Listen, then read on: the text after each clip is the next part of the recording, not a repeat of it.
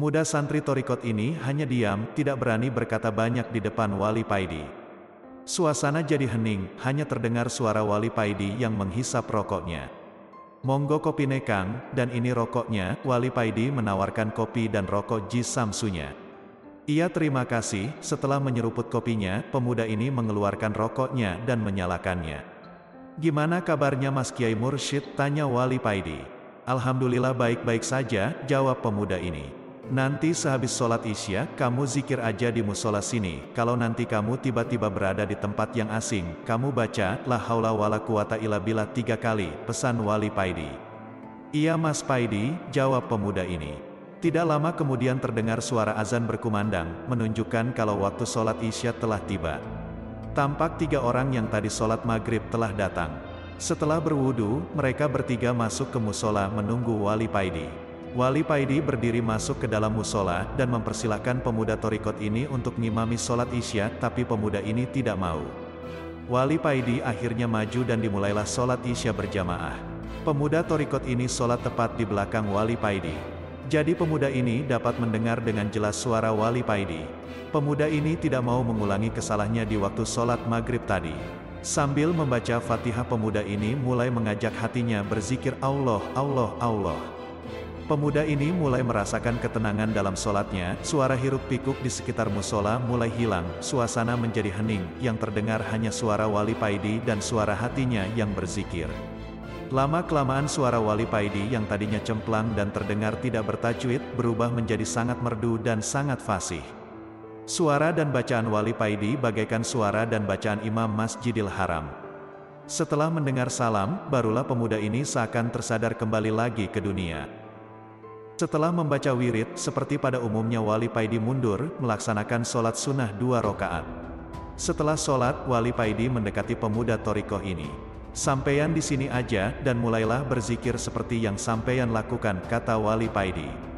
Iya Mas Paidi, jawab pemuda ini singkat. Ingat pesan saya tadi, kata Wali Paidi lagi.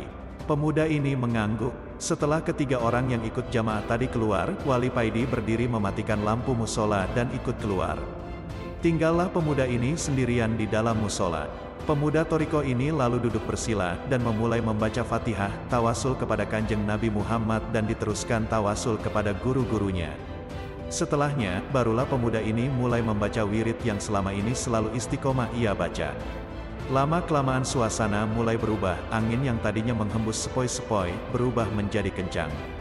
Satu persatu benda-benda yang berada di dalam musola mulai hilang satu persatu, bahkan dirinya juga terasa ikut hilang. Beriringan dengan hilangnya tubuh pemuda ini, tampak di pengimaman ada cahaya putih yang kecil. Hanya cahaya ini yang tampak, karena semuanya telah hilang dalam pandangan mata pemuda ini, dan dengan sayup-sayup, mulailah terdengar suara orang yang berlalu lalang membaca takbir dan tahmid. Cahaya yang tadinya kecil mulai membesar dan teranglah seluruhnya, dan tampaklah dengan jelas di depan pemuda ini bangunan segi empat yang tertutup kain hitam yang di sekelilingnya terlihat banyak orang yang berjalan mengitarinya. Masya Allah, ternyata pemuda ini telah berada di Mekah, di dalam Masjidil Haram. Pemuda ini membatin, benarkah aku ini sekarang berada di Masjidil Haram? Timbul keraguan di dalam hati pemuda ini. Dengan perlahan dia meletakkan tangannya di atas marmer masjid. Ada sesuatu yang hangat yang mengalir ke tangannya. Ini marmer sungguhan, batin pemuda ini lagi. Lalu pemuda ini berdiri, melihat lalu lalang orang-orang yang sedang bertawaf. Ratusan ribu orang berjubel jadi satu dengan pakaian putih saling bersahutan memuji Allah. Pemuda ini lalu teringat dengan pesan Wali Paidi, kemudian duduklah pemuda ini dan mulai membaca, La haula wala quwata illa billah.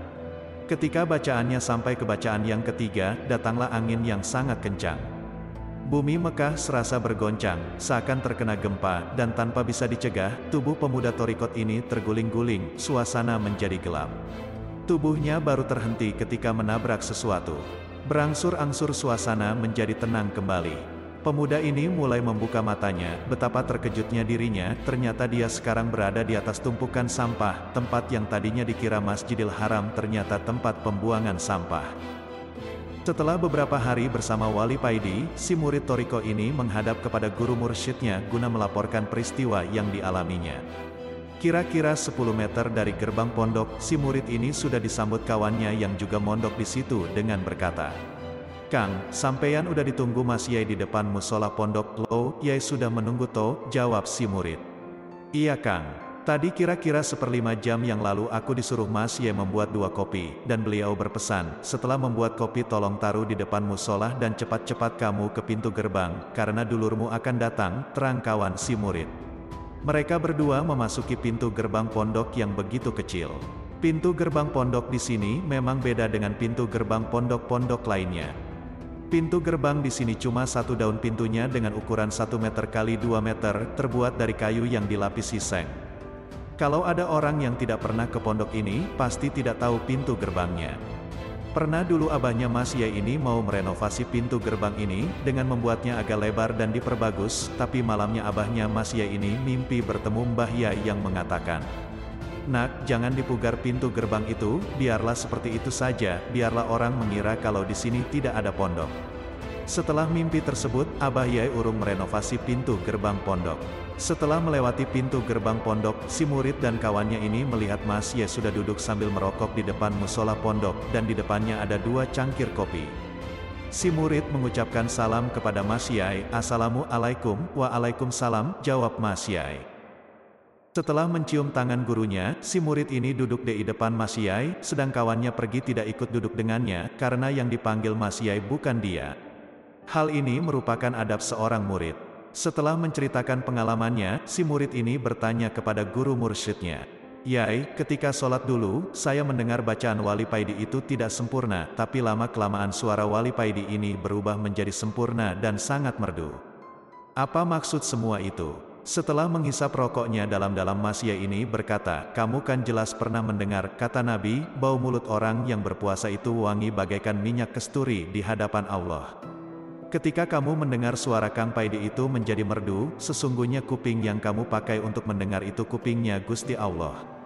Kalau kupingmu sendiri yang kamu pakai, maka terdengar seperti itu, jadi terdengar tidak sempurna menurutmu. Tapi, di hadapan Allah, bacaan Kang Paidi ini begitu merdu. Begitu juga dengan bau mulut orang yang berpuasa akan tercium sangat busuk kalau menciumnya itu dengan hidung kita sendiri. Si murid ini bertanya lagi, apakah Kang Paidi ini juga orang Toriko? Iya, dia murid abahku, Kang Paidi ini sebelum masuk Toriko, perilakunya sudah sangat bertoriko.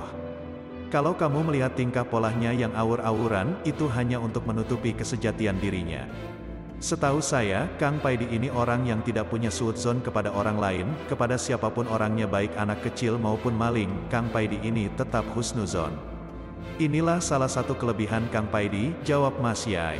Tapi, mengapa bukan Yai sendiri yang mengatakan kepada saya, kalau selama ini tempat yang saya kira Mekah itu sebenarnya tempat pembuangan sampah, tanya si murid lagi. Itu memang tugasnya Kang Paidi. Dan lagi, tempat pembuangan sampah itu kan dekat dengan musola Kang Paidi.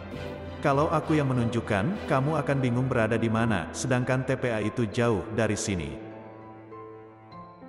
Di tempat lain, Wali Paidi sedang kedatangan seorang tamu yang ingin sekali bisa berangkat haji.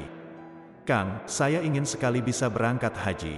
Tolong saya dikasih amalan yang bisa membuat saya bisa berangkat haji, pinta orang tersebut. Saya tidak bisa, coba sampeyan minta kepada Yai yang lebih mengerti soal itu. Saya ini orang bodoh, jawab Wali Paidi. Tidak Kang, saya tidak keliru karena saya bermimpi kalau sampeyanlah yang bisa menunjukkan jalan tersebut, bantah orang tersebut. Baiklah, kalau sampeyan memaksa. Sehabis sholat subuh sampeyan baca surat Yasin sebanyak tujuh kali, kalau ada apa-apa sampeyan ke sini lagi, jawab Wali Paidi.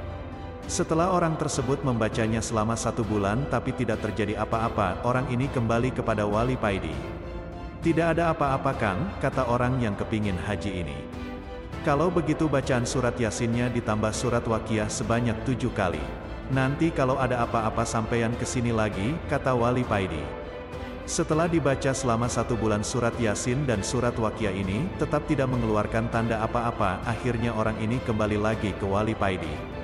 Masih belum ada tanda apa-apa Kang, kata orang yang kepingin haji.